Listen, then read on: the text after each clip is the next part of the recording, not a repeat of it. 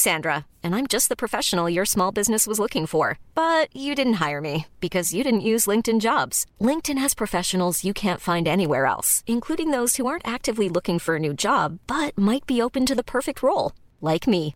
In a given month, over 70% of LinkedIn users don't visit other leading job sites. So if you're not looking on LinkedIn, you'll miss out on great candidates like Sandra. Start hiring professionals like a professional. Post your free job on linkedin.com/people today. Hey, it's Paige DeSorbo from Giggly Squad. High quality fashion without the price tag. Say hello to Quince. I'm snagging high-end essentials like cozy cashmere sweaters, sleek leather jackets, fine jewelry, and so much more. With Quince being 50 to 80% less than similar brands. And they partner with factories that prioritize safe, ethical, and responsible manufacturing. I love that. Luxury quality within reach. Go to quince.com slash style to get free shipping and 365 day returns on your next order. Quince.com slash style.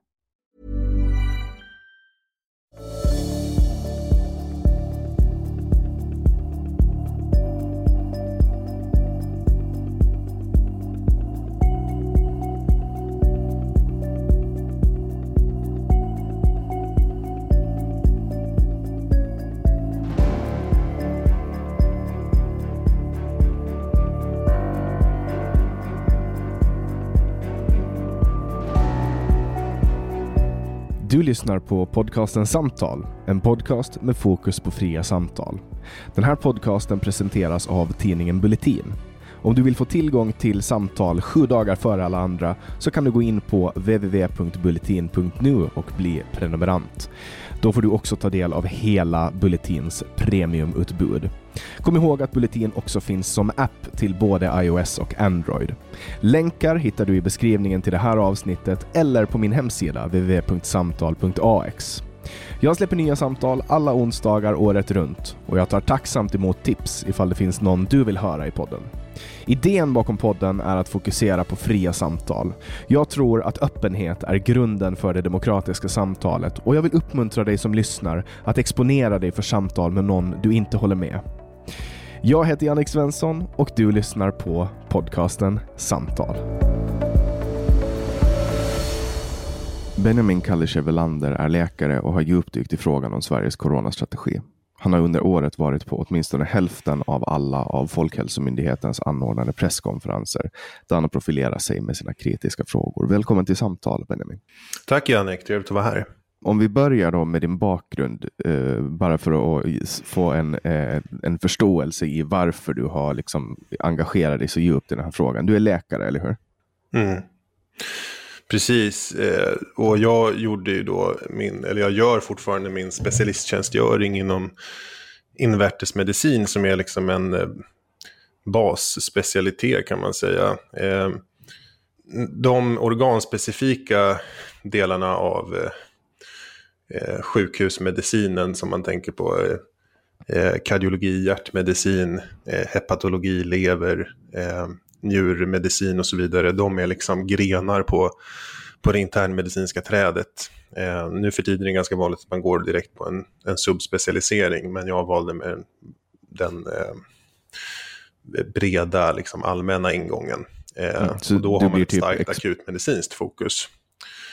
Eh, Just det. Men du blir expert på att vara läkare istället för att liksom gå direkt till typ psykiatriker eller eh, ortoped eller någon sån specialist så har du valt ja. att bara fördjupa dig i det allmänna av kroppen.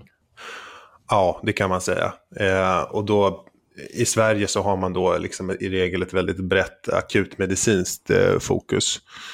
Eh, så det, den liksom kliniska ingången jag har haft i, i coronafrågan, det Eh, det har varit eh, eh, en internmedicinsk angelägenhet helt enkelt. Eh, och sen så har jag ju liksom diskuterat strategin och hanteringen.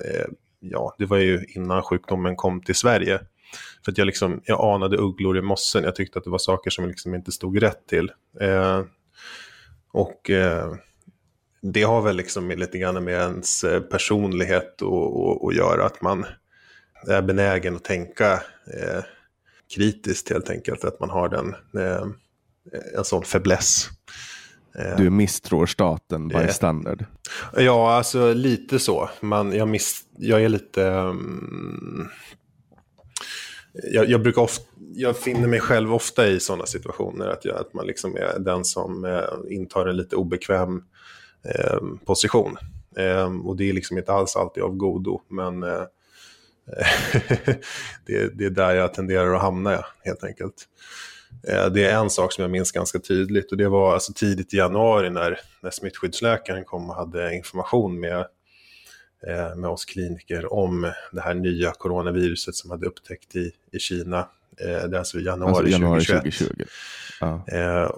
nej, förlåt, januari 2020 alltså, menar jag. Förlåt. Ja, och då är det alltså, ja precis, alltså för mer än ett år sedan, ett och ett halvt år sedan nu.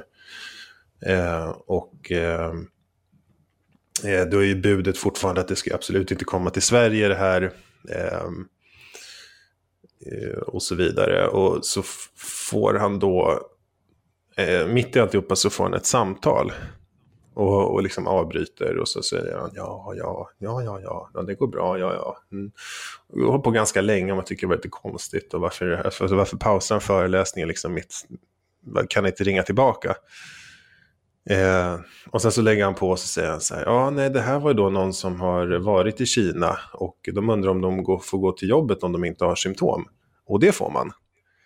Och eh, jag tror att vid det här läget så höll de inte koll på folk om de inte kom från, liksom, för det hade inte sidat från Wuhan till andra delar av Kina och Kina är ju skitstort. Så jag tror att, att man framförallt höll koll på folk som kom från alltså, riskområdet, alltså Wuhan eller närbeläget. Eh, så den här människan hade nog varit, eh, det kan ha varit så att de bara hade varit i liksom, mainland China.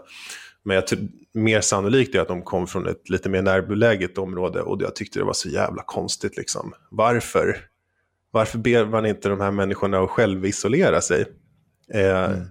Hur kan vi vara så säkra på att det här inte smittar innan liksom, symptomen att det börjar manifestera sig. Och eh, jag hade nog redan då börjat observera att eh, amerikanska CDC gjorde andra bedömningar i den här frågan om huruvida man smittade innan man hunnit utveckla symptom.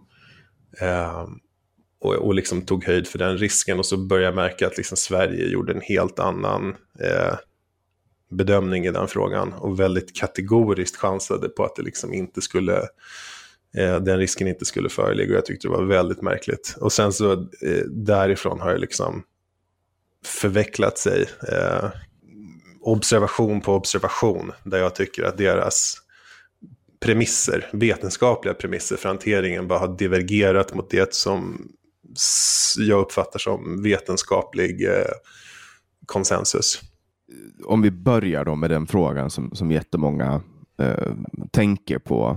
I ljuset av de åtgärder som man har gjort i världen och, och i ljuset av de konsekvenser som nu står, står det i proportion till sjukdomens dödlighet?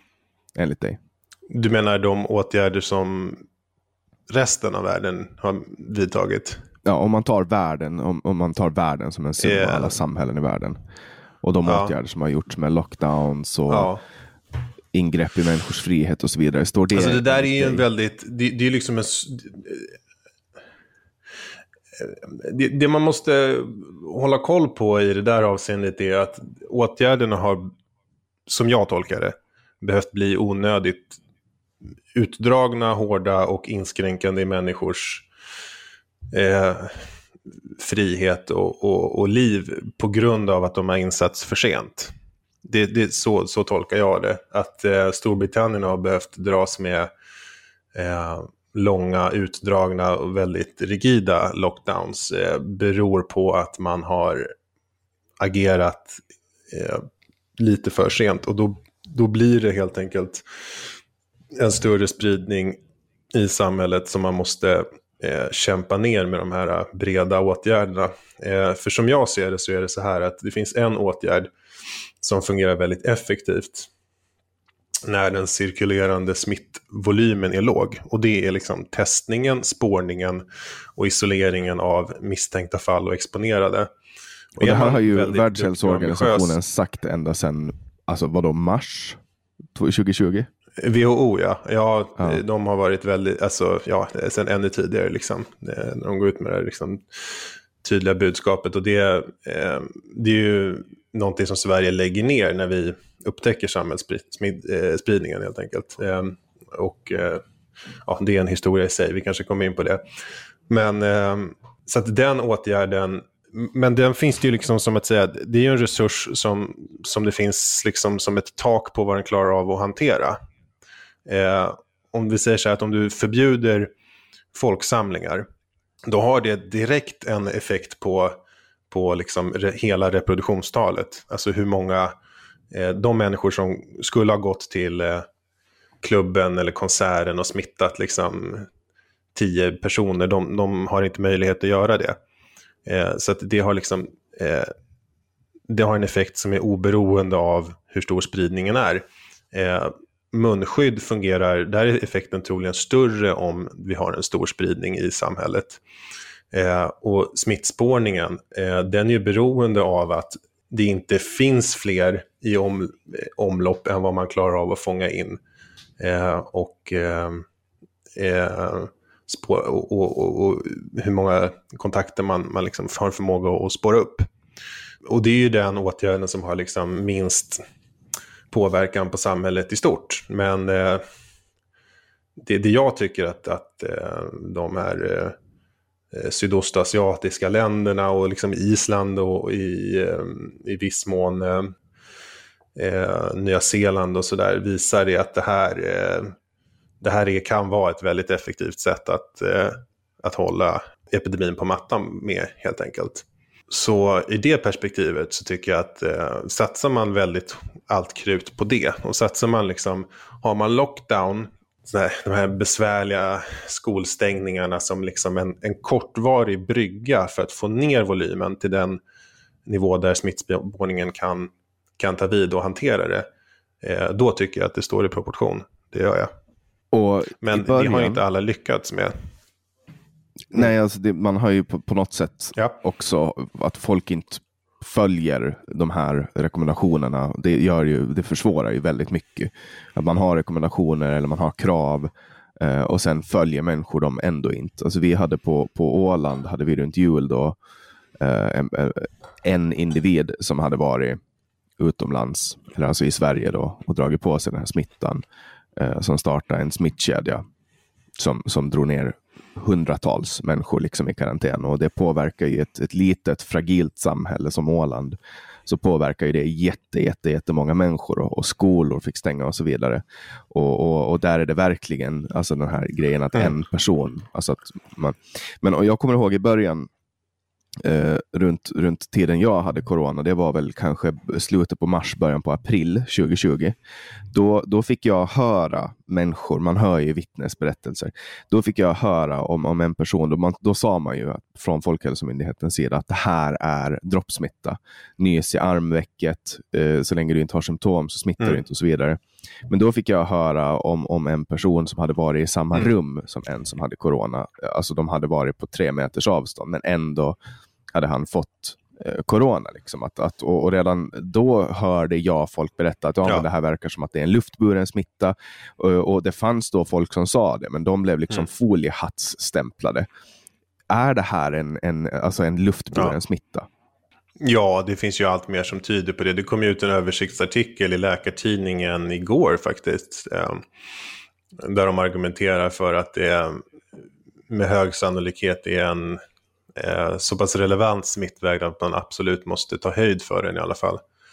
Eh, och sen är det ju lite, alltså det är ju från, det är ju från kontext till kontext. I en situation där man håller ett eh, visst avstånd till varandra men vistas i samma lokal en längre tid, till exempel ett klassrum. Där kommer ju den luftburna komponenten att vara den största risken för att en transmission sker. Självklart så smittar det här både via mindre droppar som faller till marken med gravitationen och inte kommer längre än två meter. Men det finns ju mer och mer epidemiologiska fallrapporter som, ja, du tog ju själv upp någon nu, eh, och eh, liksom bevisning av förekomsten av virus i små partiklar som kan eh, färdas över längre avstånd. Eh, som visar att det här ändå är en, en, eh, en smittväg som liksom är, eh, ett, den är reell. Sen om det liksom sker, eh, majoriteten av transmissionen sker på det sättet eller inte, det beror ju på hur man socialiserar. Och Eh, det beror också på vilken typ av egenskap viruset för tillfället har. Jag tror att de här eh, nyare varianterna dels den brittiska och kanske framförallt den här nya delta-varianten, så kallat indiska, eh, har en eh, ökad benägenhet att kunna spridas via luften över längre avstånd. Ehm, Dels så kan det ju vara så att man helt enkelt har en större, och det, det tror jag att man har, det har man nog visat, att de här varianterna medför en högre virusutsöndring. Och sen så är det så att de binder starkare till eh, den här eh, cellreceptorn som kallas för ACE2. Och med eh, en starkare bindningsförmåga så kan jag tänka mig att det är så att, man helt, att eh, det krävs lägre smittdoser helt enkelt för att lyckas eh, infektera. Och då blir ju även eh, koncentrationer i väldigt låga eh, alltså väldigt låga partikelkoncentrationer kan ju då bli mer betydelsefulla. Så att Vissa argumenterar ju för att luftburna smittvägen liksom är en av de här små partiklarna är den helt liksom avgörande. Det är bara det att på ett kortare avstånd så möter ju de i en högre, i en, i en större koncentration. Mm. Större chans alltså, att bli infekterad. Man har ju då ganska konsekvent varit emot att det här skulle vara en luftburen smitta. Anders Tegnell, som nu får bära hundhuvud för allt Sverige gör, Uh, han, har ju, han har ju flera gånger sagt att den inte är luftburen. Han har flera gånger sagt att man inte ska använda munskydd. Uh, och han har till och med, alltså, så här, det Anders mm. Tegnell har sagt och gjort har så många gånger mm. varit fel. Att jag kan inte tänka mig en enda mm. myndighet som, som, som kan ha en person som frontar som gör så många felbedömningar och framför så många felbedömningar utan att få bli utbytt, utan att bli utbytt. V vad tror du att det är som mm. gör att Anders Tegnell fortfarande får vara kvar? Fast han gång på gång har visat att han brister i sitt omdöme. Eh, delvis så tror jag att det har att göra med en eh, inkompetens i de som utvärderar honom. Eh, och det gäller både media och hans, vad heter det, vad ska man säga, politiska chefer. Eh, alltså man kan, ju, man kan ju ha en viss, tycker jag, man, man bör ha en förlåtande attityd till sånt som, så att säga, visar sig vara fel. Men som man inte helt säkert visste var fel eh, när man fällde omdömet. Men det finns så många exempel på eh, när han säger saker som är, liksom är helt oomtvistligt fel när de redan sägs. Alltså, vi kan börja med bara två saker som jag liksom minns är till exempel det här med när den brittiska håller på att ta över. Eh, och då har jag noterat att den är på stark... Eh, no, det här är nog eh, strax efter årsskiftet. Eh, för jag pratar om att den håller på att ta över utanför Storbritannien. Så att den är Eh, att man vet att det här är liksom ingenting som är kontextberoende brittiskt. Det här är någonting som är, ska säga, biologiskt inherent i viruset. Eh, och eh, då, med, då, har jag noterat att det är en kraftig uppgång av eh, den här eh, varianten i Danmark. Och eh, så frågar jag honom om det och eh, nej, men det är fortfarande en väldigt liten del av alla fall. Han vill inte ens kalla det för att de har en samhällsspridning i Danmark. Han vill inte ta, vi har upptäckt fall i Sverige utan resekoppling och han vill ändå inte kalla det för samhällsspridning.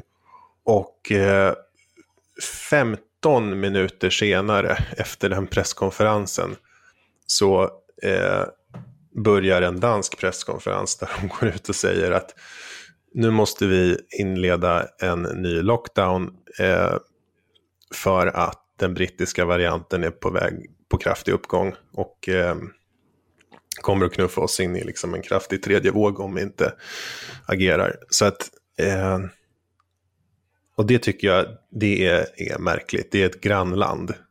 Eh, och han har uppenbarligen ingen förståelse överhuvudtaget för deras epidemiologiska situation och deras lägesbedömning.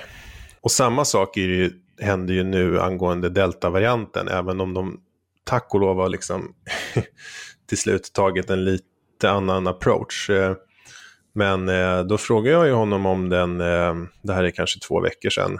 Alltså jag, säger, jag, har läst liksom bara i svensk liksom, kvällspress, i Aftonbladet så står det att den, den har ju tagit över nu i, i Storbritannien, den indiska varianten. Ehm, och du sa här för någon vecka sedan att den inte kanske var, skulle vara mer smittsam i Sverige. Ehm, och då säger han att nej men den är ju inte alls på väg att ta över i, i Storbritannien. Den är fortfarande en väldigt liten del av alla fall där. Och det är liksom, det var helt fel. De, eh, den senaste tillgängliga sekvenseringsrapporten visar att den utgjorde en klar majoritet redan. Eh, så det, det, det, är helt fel när han, när han säger och det, det är liksom, vad, vad, vad, ska han ha koll på om det inte handlar om, vad är en en epidemiologs uppgift om att inte att vara någorlunda informerad om vilka eh, eh, varianter som finns i omlopp i liksom, vårt relativa närområde och vad det kan ha för betydelse för eh, vår, eh, vår framtida situation. Det är möjligt att man liksom tänker sig att all den formen av sakliga bedömningar vetenskapliga bedömningar ska liksom göras på eh, någon annan instans av myndigheten, att han ska ha liksom ett renodlat tjänstemanna chefsansvar, någon slags liksom ren politruckfunktion. Men jag menar varför, varför ska han då kallas för epidemiolog? Varför ska han då liksom vara, varför föredrar vi då att vi har en disputerad eh, ledare för myndigheten? Det kan ju åtminstone vara rimligt att han kan säga, ja men vi vet inte eh, ännu. Så här, I det här skedet vet vi inte, men vi kan återkomma.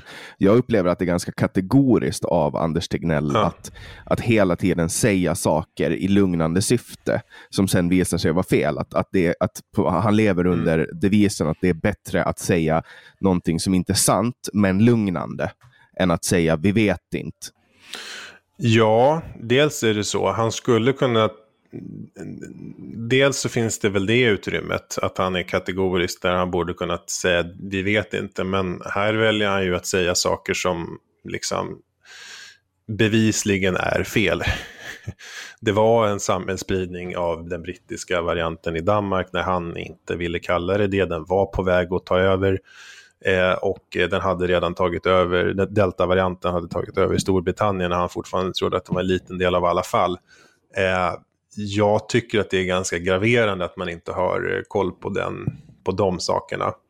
Eh, det tycker jag känns som att den borde ingå i liksom det statsepidemiologiska eh, uppdragsbeskrivningen. Sen har jag förståelse för att det finns andra aspekter som liksom rent virologiska. Han kanske inte behöver ha koll på exakt varenda liten jävla mutation av de där eh, nya varianterna står för. Liksom. Det, det, kan det finnas andra som kan få kunna bättre.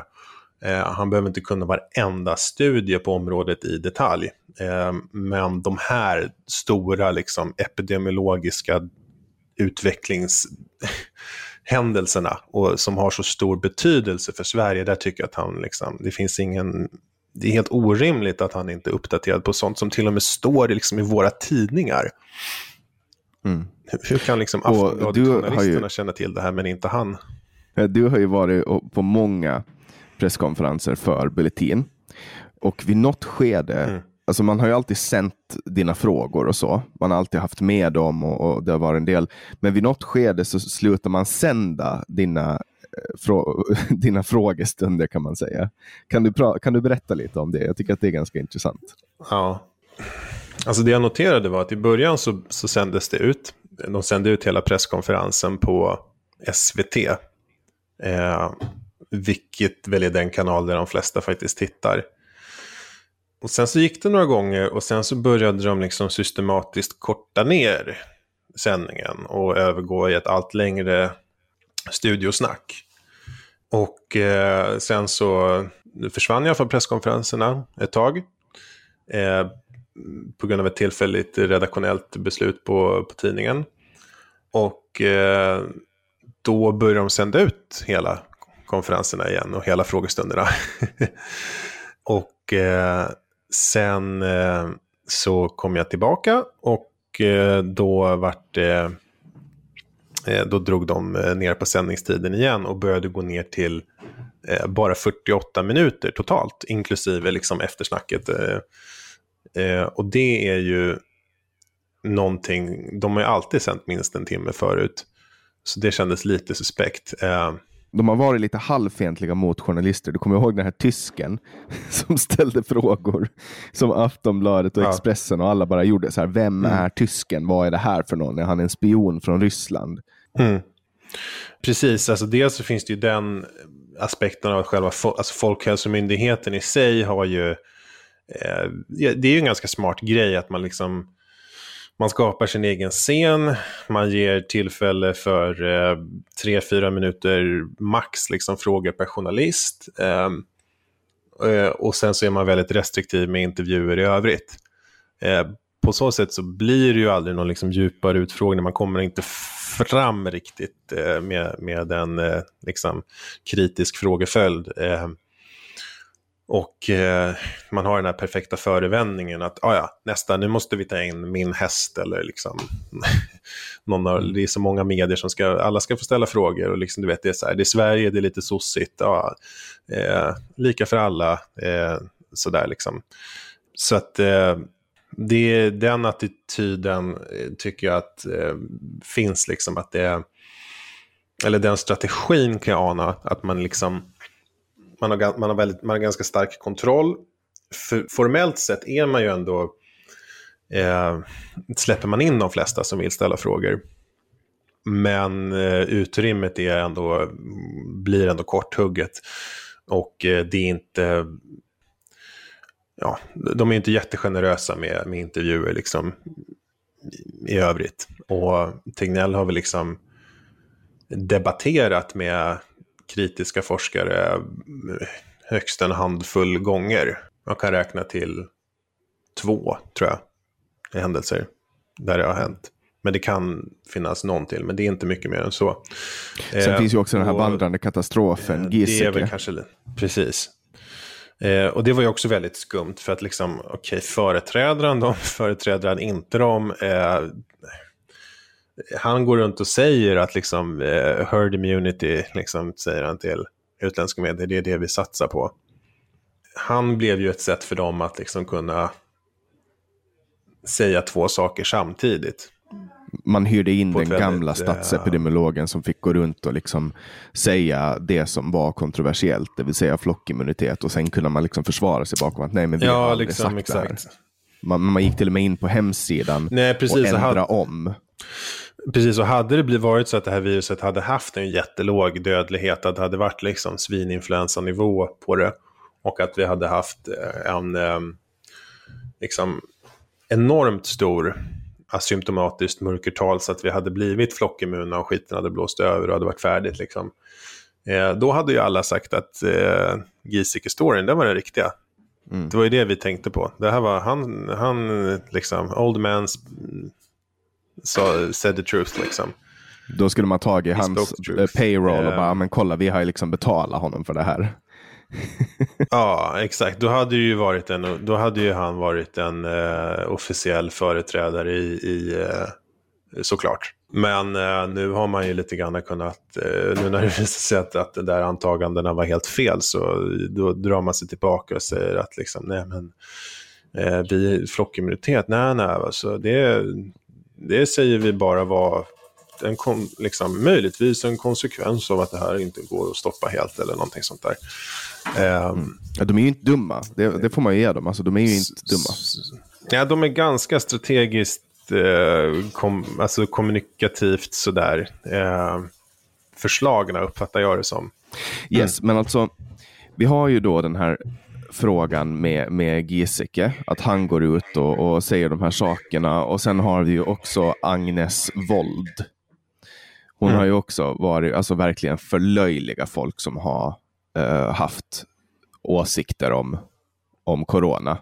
Och I, början så, I början så hade man ju hela den här grejen med att ja, men du får inte kommentera corona för du är inte epidemiolog. Kommer mm, du ihåg det? Mm. Ja, det var ju väl Emma Frans eh, käpphäst. Vilket är otroligt ironiskt eftersom hon, alltså hennes eh, eh, meriter för att uttala sig om, om eh, smittsamma sjukdomar är liksom väldigt begränsad skulle jag säga. Hon har ju disputerat i psykiatrisk epidemiologi.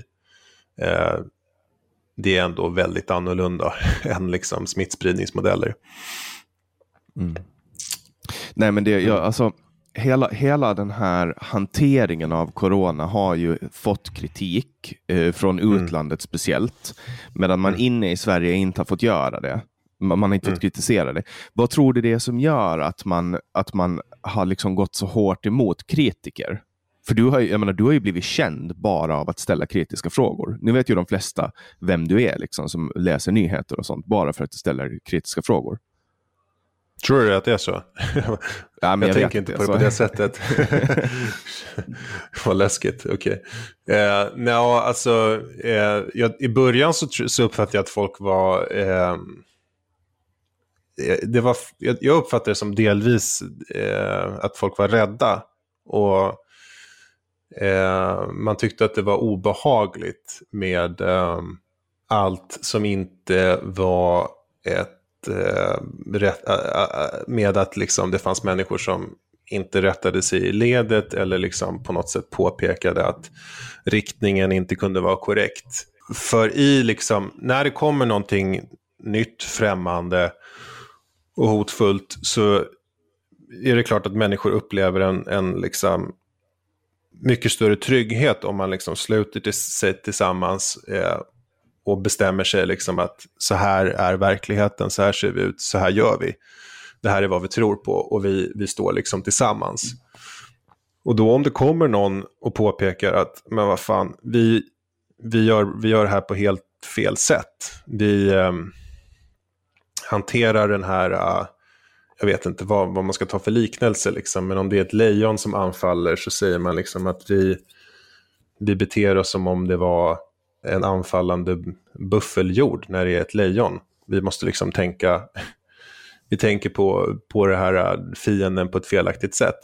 Och det, det är någonting som människor tror jag uppfattar, eh, alltså vissa kan, kan helt enkelt liksom tar ut sin rädsla eh, som ilska. Och eh, det var ju många som fick höra den där att man liksom är man är på något sätt man är otjänlig för, för, för samhället eh, om man ifrågasätter eh, den föreställda överbefälhavaren. Du, är ett, eh, du sprider misstro mot myndigheterna och därför kommer det att, sluta med att folk liksom inte tar den här grejen på allvar. Det var en sån grej som jag blev beskylld för. Eh, jag också, som... också, ja, mm. också typ det här att man eh, att man var kritisk till vetenskap. Det, det kom ju också att folk, folk beskyllde, det blev ju en höger-vänster-fråga. Ja. Där högern ville att man skulle gå i lockdown och vänstern ville att man skulle vara öppen för företagens skull. Det blev ju en, alltså en hel omvändning. Det var, allt var ju upp och ner. Ja, precis. I början så var det så, upp, uppfattar jag också. Där, I början så fanns det liksom... I början blev det liksom ganska tydligt grupperat efter den klassiska politiska uppdelningen. Där de som har ett, eh, vad ska man säga, maktkritiskt perspektiv grupperade sig liksom till eh, förmån för eh, att ta den här grejen på allvar och liksom eh, ligga i linje med resten av världen. Men sen så har det upp, utkristalliserat sig lite andra, eh, uppfattar jag det som, liksom märkliga allianser av människor. Eh, jag, jag märker att, att eh, det finns ett engagemang i den här frågan hos delvis människor som har haft ett, eh, ett miljöintresse som jag inte kanske har, du vet, känt någon sån här eh, naturlig samhörighet kring, med i liksom tidigare. Och eh, ja, det finns liksom delvis woke-vänstermänniskor som, som är eh, kritiska till Sveriges hantering. Eh, och, eh, och så finns det liksom på andra sidan lite trumpistisk höger som jag uppfattar det. Eh, där liksom konspirationsteorier om att eh, vaccinet är jättefarligt, ofärdigt testat och man har massa liksom konstiga föreställningar som inte stämmer om att det här spikproteinet kommer lagras in i liksom alla möjliga organ och göra oss eh, sterila om vi tar vaccinet och att hydroxyklorokin är ett nedtystat jätteeffektivt läkemedel. Och de människorna och liksom Agnes Wold, sosse-vänster, gör ju lite granna gemensam sak. Eh, ja, alltså de här väldigt... frihets Mm. De här frihetsdemonstrationerna som har varit. Ja. Ja. Eh, det som har varit konstigt med dem är att det finns liksom ingen entydlig bild av dem som dyker upp där. I normala fall under en typ Israel-Palestina-demonstration, då vet man ungefär vem är det som dyker upp, från vilka miljöer kommer de, vem lyssnar de på, vad följer de på sociala medier.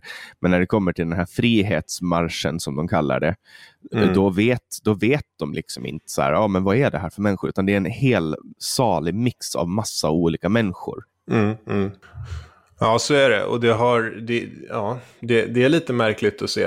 Uh, och det är väl, ja, jag vet inte fan riktigt vad man ska säga att det, att det beror på.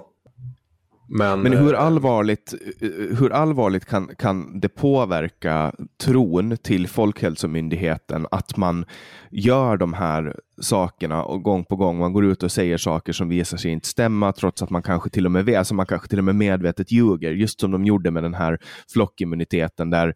regeringen var inne och ändrade på hemsidan och ändrade målet och när eh, mm, Tegnell mm. står och säger att nej, men vi har aldrig haft det här som mål mm, eh, och, mm. och, liksom att man håller på efterhandskonstruerar.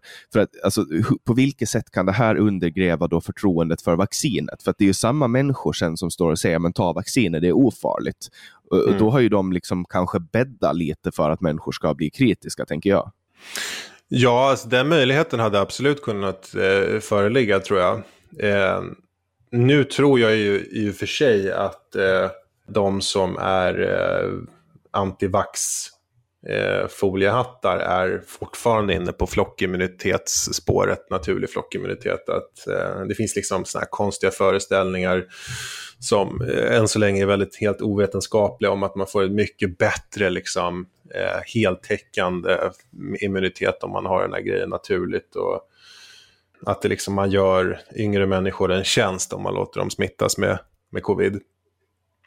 Eh, så jag tror i och för sig inte att de är liksom är kritiska med den utgångspunkten. Att ja, titta, för att jag tror att de, finns, de är kvar i det här flockimmunitetstänket, de flesta.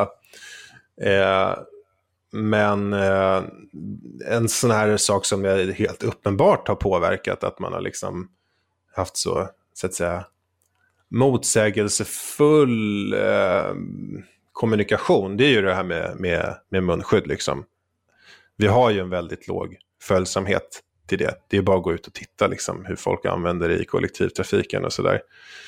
Eh, och nu, nu ska det ju avskaffas, eh, förutom i rusningstrafik i Stockholm och sådär. Eh, men följsamheten har varit eh, dålig och det, det är klart att det beror på att eh, de har liksom tillbringat ett år med att förklara att det inte fungerar, att det inte är en del av den svenska kulturen. Och, och det är så alltså. När jag kom liksom, till Sverige mm.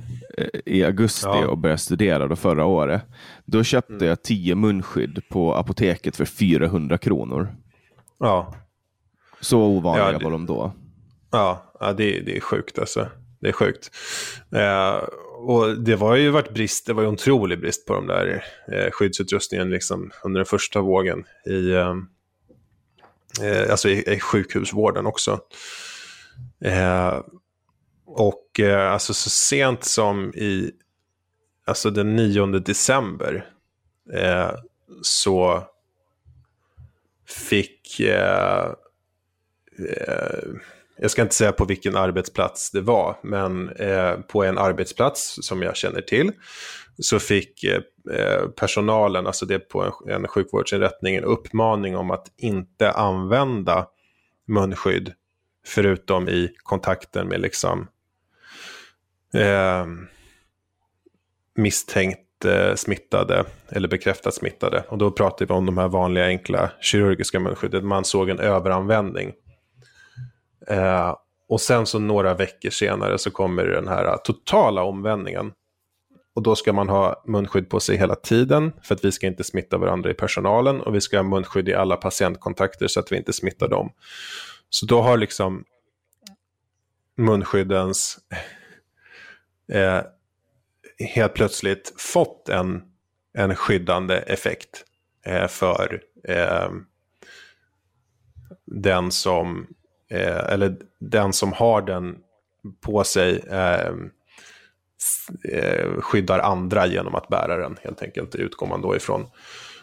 Eh, ja, alltså jag, har, jag har hela tiden haft den här inställningen till munskydd. Vi har, I Finland så har vi ju vi har ju krav på att man ska ha munskydd när man är ute på allmänna platser. Och, mm. och min inställning har ha, ha varit att, att om det har en 1% påverkan, då är det mm. tillräckligt stor för att berättiga användningen av det.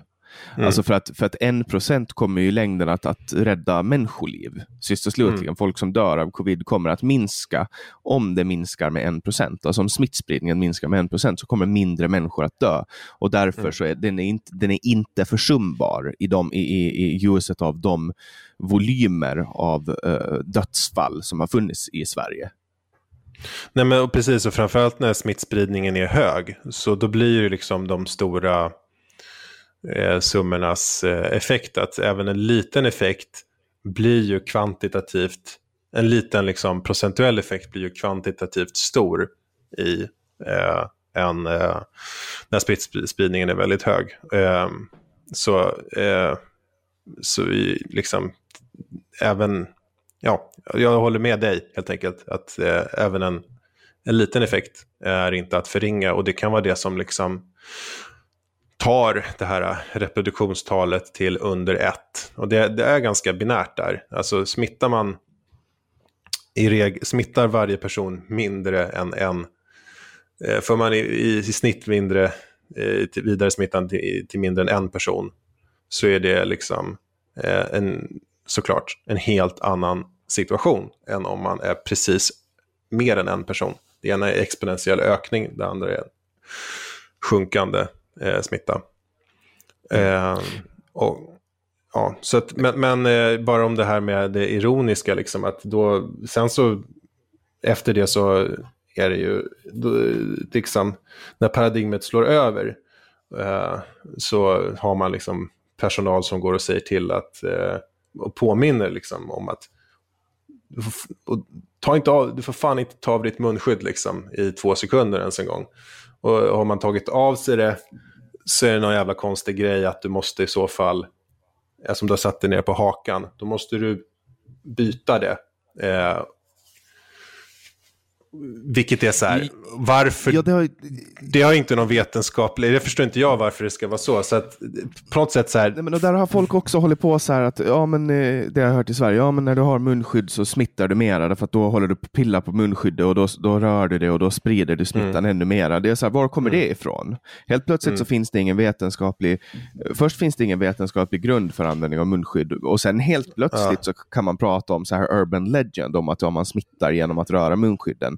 Det, är så här, ja. det, alltså det fattar väl ändå folk ganska intuitivt. Alltså mycket kan man ju lösa med rent bondförnuft. Alltså som till exempel mm. Vi, har ju, vi är ju genetiskt programmerade att vara rädda för råttor. Alltså förra, mm. förra veckan så, så kom det en råtta springande kanske en och en halv meter framför mig och jag liksom hoppade bakåt. Eh, mm. För att jag är genetiskt programmerad att, att de här är farliga eftersom de just sprider smitta. Att, att det här mm. bondförnuftet kan vara, man kan komma ganska långt med det. Och det fanns i början på hela den här debatten så fanns det en bild på två killar som stod framför varandra och så så var det, e, och båda hade inga byxor och så kissade eh, båda och då kissade de på varandra. Och sen hade mm. ena personen byxor på sig och kissade och då kissade han bara på sig själv. Och sen hade mm. båda byxor och medan den andra kissade på den andra och sen hade båda byxor på sig och då kissade båda på sig själv. Och det var typ med det här eh, eh, exemplet, visuella exemplet som folk försökte så här påpeka att men du förstår väl att här, om du har det här munskyddet så kommer inte lika många partiklar att, att färdas jättelångt ifrån din kropp. Mm, mm. Men, men, men, hela den, liksom, man håller, hela tiden håller man på med det här vetenskapliga argumentet. Ja, det finns inga vetenskapliga bevis för att munskydd funkar. Men då, mm. kan man väl, då kan man väl, om det finns en hypotes som säger att ja, men det blir inte värre av att vi använder, använder munskydd, då använder vi väl det tills man har bevisat att ja, det är helt effektlöst och så tar man bort det. Så tänker jag i alla fall, att man opererar enligt försiktighetsprincipen. Mm, mm. Precis. Eh, för det är inte ett stort ingrepp, anser jag, i människors liv. Och sen så, alltså det här med att man måste ha dem... Det, alltså man kan ju vara lite, man kan ju vara intelligent i sitt förhållningssätt. Spelar det någon roll om människor har på sig munskydden när man är utomhus eller inte? Jag skulle inte tro att det har så stor påverkan. Jag tror att man kan skita i att ha dem på sig utomhus om jag ska vara ärlig i regel, om du inte står på ett ställe där det är jävligt vindstilla och du är väldigt nära andra människor. Men liksom, jag menar, vad ska du med dem till ute på en, en, en gata där det liksom är fri luftpassage eh, och, och där människor liksom inte står supernära varandra. Ja, viruset dör väl också en... av, till, alltså det dör väl av UV-strålning om jag har förstått det rätt? Ja, precis. Det har, eh, tål i alla fall inte det så jättebra. Så eh, men, men liksom däremot i, eh, i eh, en, liksom instängda utrymmen eh, så är det ju fullt logiskt att ha på sig dem. Eh, så att man, alltså, jag vet inte, det blir som att människor får liksom lite skrämselhicka när man pratar om att de har haft munskyddstvång och liksom tillfälliga utegångsförbud i, i andra länder. Um, och eh, här, ja, de grejerna är kanske inte, alltså det kanske har visat sig i efterhand har varit, eh, vad ska man säga, överreaktioner jämfört med vad man visste. Eller i alla fall inte, så här, inte saker som är förmodligen särskilt effektiva. Men å andra sidan, alltså människor är liksom inte, eh, alla är inte fogliga svenskar. Alla har inte Eh, alla har inte följsamhet till rekom lösa rekommendationer. Det kan vara det enda sättet att få, liksom, inte vet jag, bångstyriga sydeuropeer att liksom förhålla sig till en riktlinje. Eh, de kanske inte har munskydd på sig överhuvudtaget om man inte har en liksom, eh, liksom, regel att nu har vi det här på oss liksom, i på allmänna platser, punkt. Och har man inte det så blir man bötfälld. Eh, och liksom, okej okay, nu måste vi begränsa rörligheten. Eh, då är det enda sättet att liksom få till en följsamhet att vara eh, lite alltså något, lite repressiv. Och det tycker jag är någonting som, det finns absolut inget egenvärde i det och det är någonting man bör kunna und, bör undvika. Och jag tror absolut att vi hade kunnat undvika det i Sverige. Det hade inte, till exempel liksom i munskyddsfrågan, det hade inte behövts någon jävla lag eller liksom bötfällning av människor som inte har dem på sig. Man hade bara kunnat säga att det här är, tycker vi är viktigt och vi tror att eh, det här kommer att, eh, vi, vi anser att det här är någonting som Eh, är en del av vårt eh, arbete för att eh, minska riskerna. Och då har vi de här på oss och då hade folk ja, haft och, det. Och då gör ju också folk som andra gör, alltså som till exempel i ja. Finland när man börjar med munskydd, eh, då börjar man liksom skicka ut bilder på statsminister Sanna Marin när hon har mm. munskydd på sig. Och samma mm. med republikens president Sauli Niinistö man, man, man, man gjorde liksom ett exempel av. Uh, och folk gör så, så här, om Stefan Löfven och Anders Tegnell hela tiden hade munskydd på sig när man såg dem i olika uh, debatter och, och så vidare, och så vidare då, då skulle också folk, det blir också mer acceptabelt. Jag kommer ihåg hur, hur konstigt det kändes i början när jag eh, var på Åland och jag kom tillbaka när, det, när man hade rekommendation på, eller när det var krav på munskydd. Uh, och, och, jag måste liksom här, ta på mig det här munskyddet och alla andra var vana med det. Men, men mm. jag, jag, kom till Åland och, och satt i karantän och sen började jag liksom använda det här munskyddet och det kändes jättekonstigt. Men, Mm. men när, jag, när jag såg alla andra som hade munskydd, då var det inte konstigt längre. Och nu kommer, Nej. jag tror aldrig det kommer att vara konstigt igen att en människa väljer, alltså när epidemin, eller pandemin, förlåt, är över, då kommer, då kommer det att vara norm att ta på sig ett munskydd om man har varit förkyld, till exempel. Och Mm. ingen kommer någonsin att ifrågasätta varför har den här personen munskydd på sig.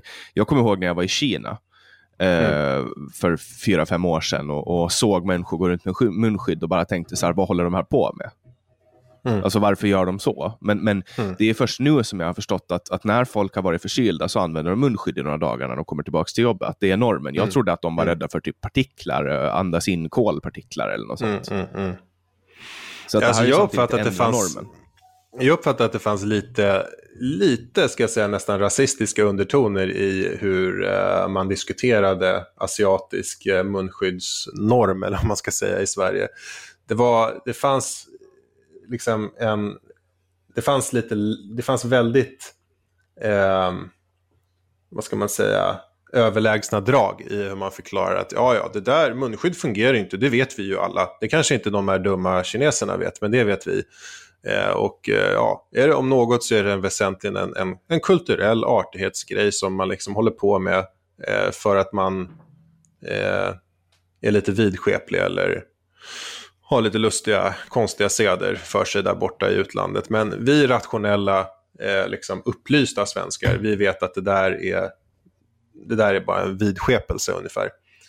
Jag, menar, jag tror inte att det, jag har inte studerat frågan i detalj, men jag tror inte att det är så. Jag tror att det här är en rest från, eh, väsentligen från sars-epidemin.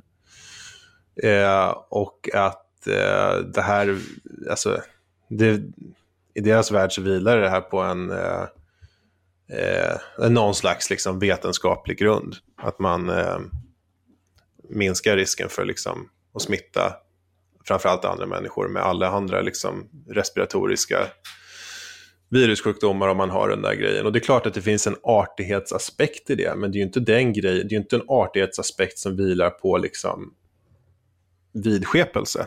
Nej, men också, man visar ju också, till exempel då, om vi nu lever i en värld där pandem pandemin är över och, och, och en person har munskydd på sig, de är tillbaka på Mm. jobbet, de har varit hemma och varit förkylda, då signalerar man också till andra att, att, att ka- ha avstånd, håll avstånd, kom inte och skaka hand med mig.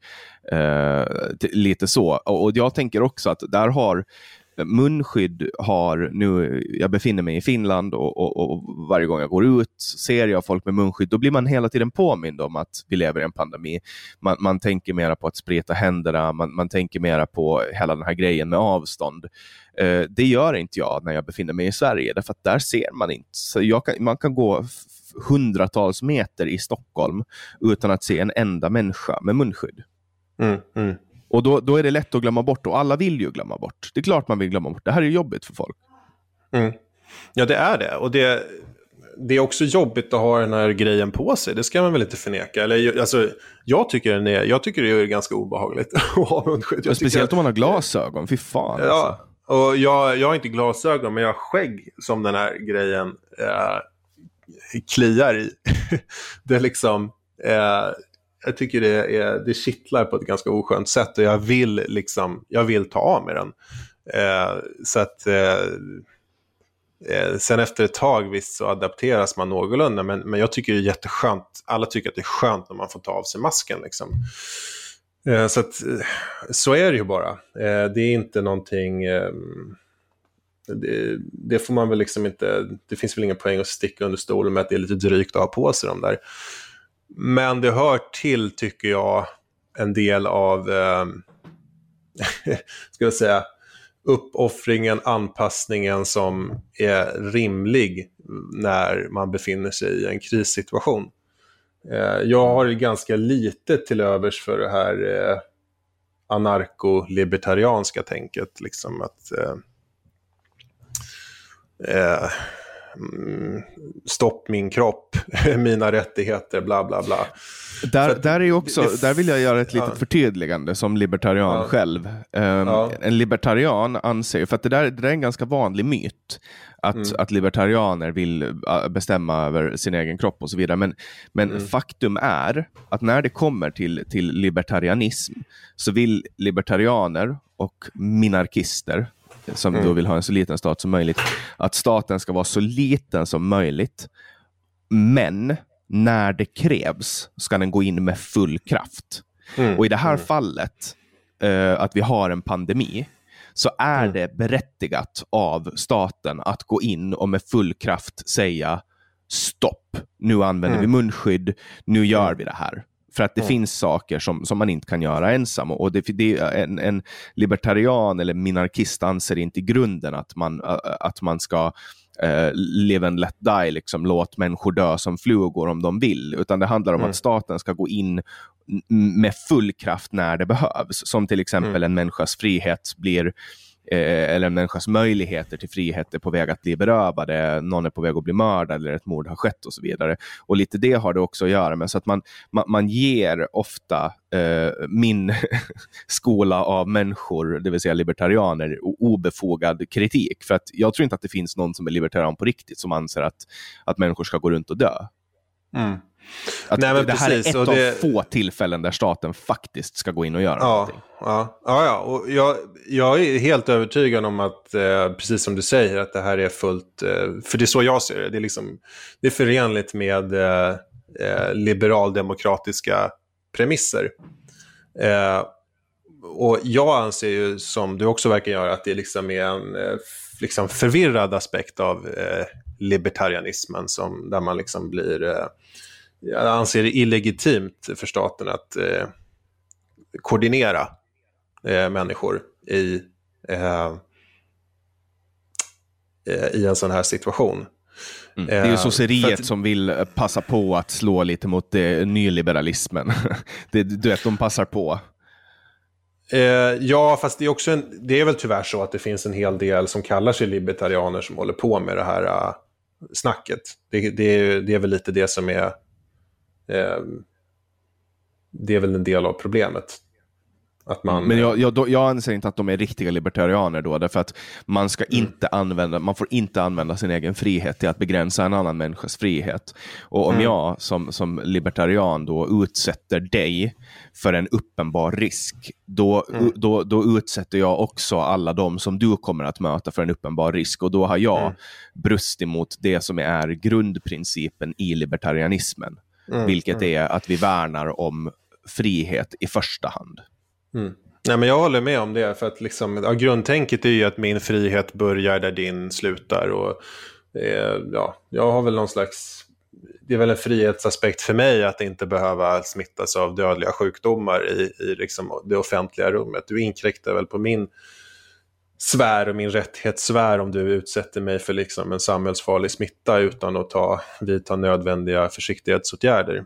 Eh, så jag, håll, jag håller med, det, det liksom, borde kunna ingå, införlivas i den liksom, filosofiska eh, traditionen.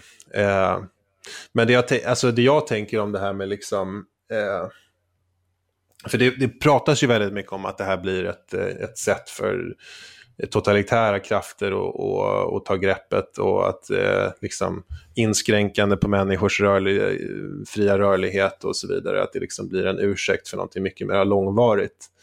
Och eh, alltså det är klart att den, alltså det är klart att den risken finns, men är det problemet då i sig med åtgärderna om de är motiverade eller är problemet att du, sit, att du har en liksom, opolitligt ledarskikt som, som ser sin chans. Att du har en, en eh, politisk struktur med ofullkomlig eh, maktfördelning eh, som möjliggör sådana här eh, som möjliggör liksom en totalitär utveckling. Är problemet då att du har en svag liksom, demokratisk tradition? För att det, det, som ut, det som realistiskt sett utmärker en livaktig eh, motståndskraftig eh, liberal demokrati är ju en anpassnings, alltså är ju att man har en form av an, anpassningsförmåga. Det kan inte vara nödvändigtvis exakt samma premisser som råder i en krissituation som råder i en fredssituation.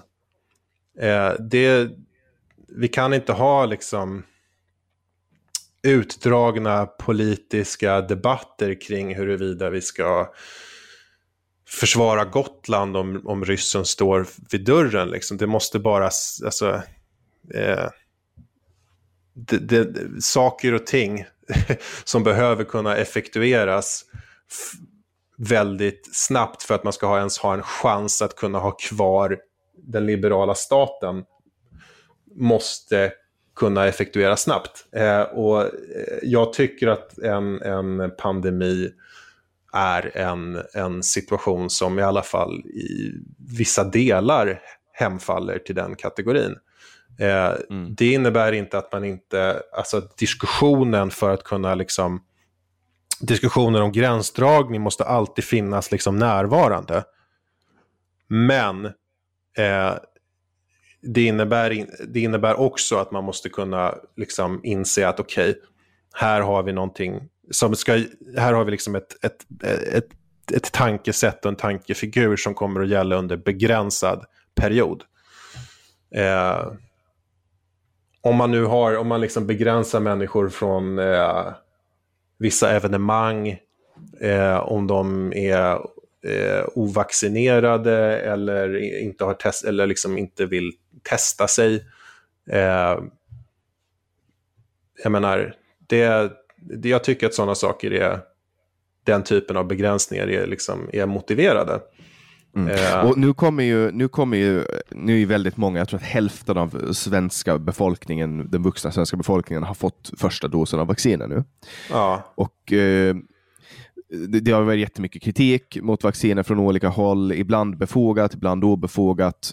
Uh, mina personliga reflektioner kring vacciner har varit att man i början sa man att det kommer ta flera år att utveckla ett vaccin och nio mm. månader senare så bara, ja men varsågod, här får du boka en tid till vaccin. Ja. Uh, jag har själv bokat en tid, jag kommer att få vaccinet nu, jag är 26 och jag kommer att få vaccinet om två veckor. Mm, uh, grattis. Och, tack, och jag kommer, jag kommer självklart att ta det. Jag såg att jag kommer att få Pfizer-Biontech-vaccinet. Mm. Jag skulle, om jag ska erkänna det, jag skulle ha, ha varit extra vaksam och ställt extra mycket frågor om någon skulle ha sagt åt mig att jag kommer att få AstraZenecas vaccin. Det är mm. enda, enda, det enda stället där jag har uppfattat att, att här har man, du vet på allvar, norska staten var ju inne och till exempel stoppade och, och lite sånt. Och mm. Det får mig att, att så här, raise red flags. Mm. Um, men, men, i övrigt så, så tror jag att den här vaccinationskritiken som har kommit eh, känns ganska obefogad. Men det är bara att titta på nu vet vi ingenting om långsiktiga effekter, men, men, men det är väl ganska rimligt att anta att det inte kommer att ha långsiktiga eh, bieffekter eh, eftersom det är ett ganska enkelt komponerat vaccin, vad jag förstår. Men om man bara kollar på vad som har hänt, på, alltså, mm. ha, över hälften av Sveriges befolkning har blivit vaccinerade och det finns ett ytterst fåtal biverkningar som har uppkommit. Liksom, mm. folk av, folk avhåller, det är väldigt få folk som avhåller sig från att flyga på grund av att det finns en, en minimal risk att man kan uppleva en obehaglig död i ett mm, flygplan. Mm. Men, men för det här vaccinmotståndet så har det liksom uppstått oproportionerliga demonstrationer och oproportionerligt motstånd. V vad kan mm. det bero på att folk nu helt plötsligt, som har varit i alla aspekter normala människor, som helt plötsligt bara går bananas? Mm. jag tänker att det måste finnas andra orsaker än just det här AstraZeneca-vaccinet som har visat sig kan ge blodproppar till vissa personer. Eh, jag tror att det är lite multifaktoriellt och att en del av det tror jag har att göra med den här svininfluensaskandalen. Eh, I alla fall för Sveriges del, för att där grundlades en liksom ganska för landet unik eh, vaccinskepsis som inte hade funnits där innan. Eh, vad det bottnar i i övrigt, alltså dels så är det väl så att människors... Det är väl lite grann det här du vet. Eh, vad heter det, dilemmat med en, eh, när man ska växla lok, när en lokförare som får liksom välja att köra över någon aktivt, två, köra över en person aktivt eller eh, köra över två personer passivt. Liksom. Det känns på något sätt, människor uppfattar tror jag om det är någonting som handlar om ett aktivt val som får en viss konsekvens som värre, även om konsekvensen med högsta sannolikhet blir värre av att vara passiv. Eh, jag tror att vi lite grann är psykologiskt eh, predisponerade för att fungera på det sättet. Eh, och, man, och så har det att göra med att man liksom inte kan man kan inte ta in riktigt hur, hur ovanligt en allvarlig biverkan är. Eh, läser du i tidningen om eh, dödlig utgång av eh, blodproppar kopplat till AstraZenecas vaccin hos en person så trumfar den känslomässiga reaktionen eh, all, hos väldigt många människor i alla fall, all logik, som liksom, all statistik som, som visar att okej, okay, ja, ja, men det här är en på hun, några hundratusen. Eller ännu mer sällsynt, att det här inträffar med den här allvarliga utgången. Eh, så det är nog den kombinerade effekten som är grogrunden för det här. Eh, och sen så älskar ju människor att, eh, att uppgå i eh, mer eller mindre konspirationsteoretiskt tänk. Det finns ju en idé om att hela den här alltså hela det här tillståndet kan förklara, alltså att covid är liksom i grund och botten en myt. Att liksom, det finns människor som på fullt allvar tror att viruset har aldrig lyckats isoleras. Eh, och att vaccin, vaccinet är liksom, ja, då något helt onödigt som bara säljs till oss av liksom en girig läkemedelsindustri. Att covid är liksom regisserat av Bill de, Gates och påven. Ja, och... Och jag menar, det, varför människor är benägna att... Eh, att, att, att liksom hamna i den här sortens eh, tankegods eh, är väl för att vi gillar, liksom, vi gillar, vi gillar koheran, koherenta system. Vi gillar liksom eh, vi gillar berättelser som gör världen begriplig för oss och där allting liksom passar in. Eh, och eh, det kan jag tänka mig att det liksom inte riktigt... Eh, det är ju liksom splittrat och motsägelsefullt och många olika bud. Vi vet inte var viruset kom ifrån. Vi vet inte... Eh, vi vet väldigt mycket om vaccinerna. Eh, men det finns alltid en liten, liten osäkerhet. Eh, och eh, människor gillar liksom inte osäkerhet. Man gillar inte, även om den är minimal, även om vi har följt upp de här i mer än ett år nu, även om det liksom är otroligt osannolikt att det skulle komma några allvarliga, långsikt, långvariga liksom, biverkningar av det här. Eh, så eh, tror jag att folk före, vissa föredrar helt enkelt en berättelse där det är eh, eh, som berättar att, att eh, ja, men, vaccinet är av ondo och, och, grejen är inte på riktigt och allting är en, en lögn, typ. Mm. vad tror du? Nej, men alltså jag, känner ju, jag känner ju att hela den här grejen har, alltså för vissa, spårat ur helt och hållet. Alltså mm. för jag, jag ser hur, hur vissa människor som, som i, i alla aspekter har varit normala, nu helt plötsligt mm. bara ballar ur i de här helt bizarra konspirationsteorierna. Mm. Um, och, och jag menar, man, brukar ju, och, alltså, man brukar ju prata om så här, ingen rök utan eld och så vidare. Och, och det är klart att det finns saker som är eh, alltså som, som är konstiga och det är klart att det har hänt saker i världen, alltså när hela världsekonomin eh, agerar eh, så kommer det att ske korruption, eh, när det kommer till till exempel eh, jag menar alltså upphandlingar och, och, och så vidare. och så vidare. Det kommer mm. att ske. eh, alltså när hela världen går, går ihop eh, för en sån här gemensam ansträngning.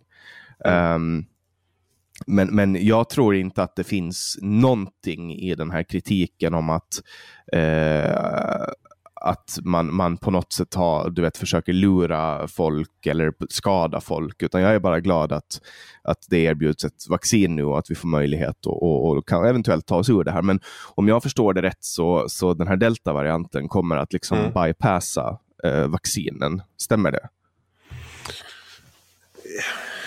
ganska, alltså just delta-varianten har i, i, ganska ringa omfattning en, en eh, vad man kallar escape-potential.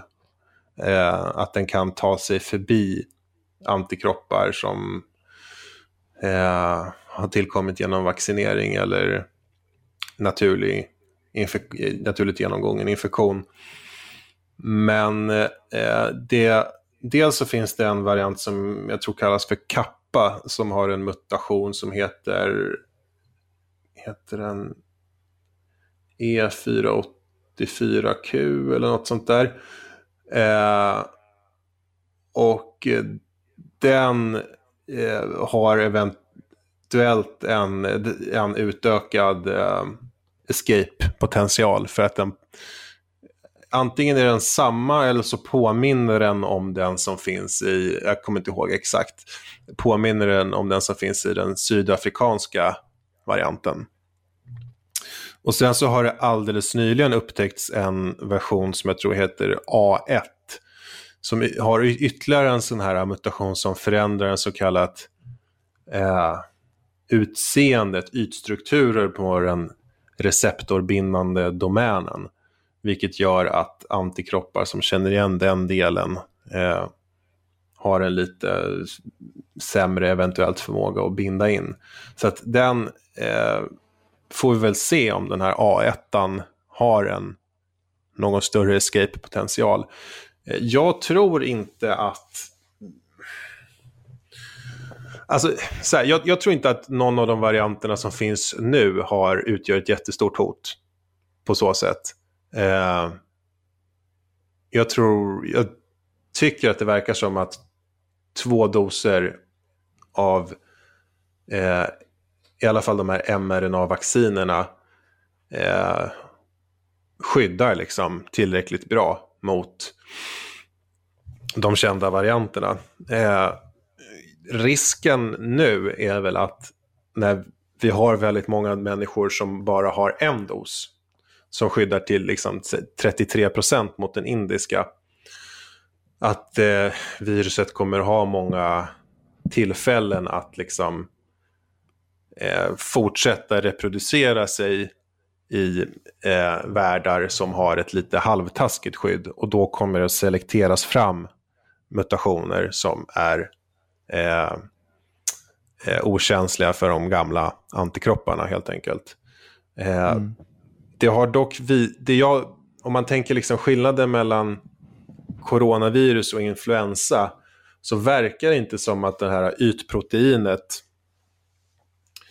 är eh, riktigt lika stabilt i muterad form eh, bland coronavirus och influensa. Så att, alltså, influensa och coronavirus, båda är RNA-virus, så båda har en avsevärt högre mutationstakt än DNA-virus som är mer stabila. Jag tror att det är så att även nu, jag vet inte riktigt det här, men jag tror att det är så att eh, influensavirus har en sån här eh, lite sämre proofreading-mekanism också ovanpå det. Så att den liksom kontrollerar sin replikation lite slarvigare så att den liksom, det är fler möjligheter till mutationer på så sätt. Och sen så har eh, ytproteinerna där har liksom en egenskap att de är, håller sig liksom ganska, de håller sig stabila och funktionsdugliga även i, i liksom muterad form. Och eh, det återstår väl att se, men, men, men det finns, som jag uppfattar i alla fall, många som tror att coronavirus inte kommer att ha en eh, lika uttalad eh, förmåga som till exempel influensa. Eh, och det är ju hoppfullt i, i så mm. fall. För det, Eh, det innebär att eh, ja, det innebär att vi liksom inte nödvändigtvis kommer att behöva börja om från ruta ett. Eh, inom en snar framtid i alla fall. Mm. Och eh, nu kommer det här, det här samtalet kommer att bli lite kortare den här veckan. Eh, dels för att du mm. behöver gå, men också för att det finns ju också en podd som man kan lyssna på som du har gjort, eh, som mm. släpps mm. samtidigt som det här. Du kan väl berätta lite om, om den för de som vill veta mer om dig och, och grotta ner sig mer i det här ämnet. Det är många som är jävligt trötta på corona, men om det är någon som lyssnar så kanske de är intresserade av, av det här som du har spelat in. Kan du berätta lite om det? Ja, om det är någon som förmodligen, mot förmodan inte har tröttnat så, så får man jättegärna lyssna på en väldigt bra intervju med, eh, eller jag tycker att den blev bra i alla fall, med Fredrik Elg och Annika Linde som jag har gjort och som kommer ut här snart. Eh, kanske redan har kommit ut nu när det här avsnittet har kommit. Eh, med, eh, som handlar om, om eh, Folkhälsomyndighetens historia helt enkelt och eh, den relativt eh, unika strukturen vi har med, i Sverige med en alenarådande eh, expertmyndighet som skiljer sig från eh, den modell man har haft i många andra länder, de flesta andra länder ska sägas. Och eh, vi diskuterar hur det här har, har tillkommit och vad det har haft för betydelse för den svenska strategin. Och eh, ja, det, det var, blev ett, eh, en, ett belysande och intressant samtal tycker jag. Mm, och jag håller med. Jag tyckte det var, det var, det var intressant eh, även för mig och du blev lite förvånad över det. Men, men det här hittar ni alltså på Bulletins eh, officiella podcastkanal. Sök på Bulletin Podcast där du lyssnar på poddar eller gå in på bulletin.nu. Jättestort tack Benjamin för att du var med i podcasten Samtal den här veckan. Ja, tack själv Jannik. Och till alla er som lyssnar vill jag ju påminna er om att ni såklart hittar alla avsnitt av den här podden på hemsidan www.samtal.ax där ni också som plusprenumeranter på Bulletin får höra de här poddarna sju dagar före alla andra. Eh, plusprenumerant kan ni bli genom att gå in på Bulletins hemsida och prenumerera Eh, ni får ju då tillgång till alla poddar då såklart som finns på Bulletin samt alla låsta artiklar. Om ni tycker om den här podden får ni jättegärna berätta det för era vänner genom att dela det på era sociala medier, Facebook, Twitter, Instagram och så vidare. Ni får ju också gärna berätta för folk då att de får ta del av de här poddarna genom att bli plusprenumeranter på Bulletin. Det är också ett effektivt sätt att stödja den här podden och eh, se till att den fortsätter puttra på som den har gjort nu i snart, ja, i över två år nu. Jag uppskattar alla tips, alla som går in på hemsidan www.samtal.ax och tipsar. Det gör att jag vet vem ni vill höra i den här podden och det gör att jag kan hålla mig uppdaterad på era önskemål. Eh, jag släpper nya samtal alla onsdagar året runt. Jag heter Jannik Svensson och du har lyssnat på podcasten Samtal.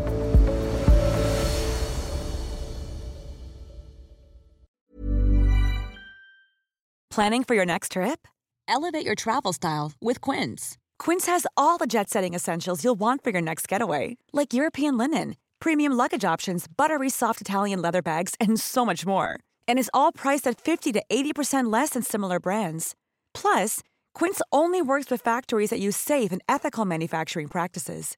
Pack your bags with high-quality essentials you'll be wearing for vacations to come with Quince. Go to quince.com/pack for free shipping and 365-day returns.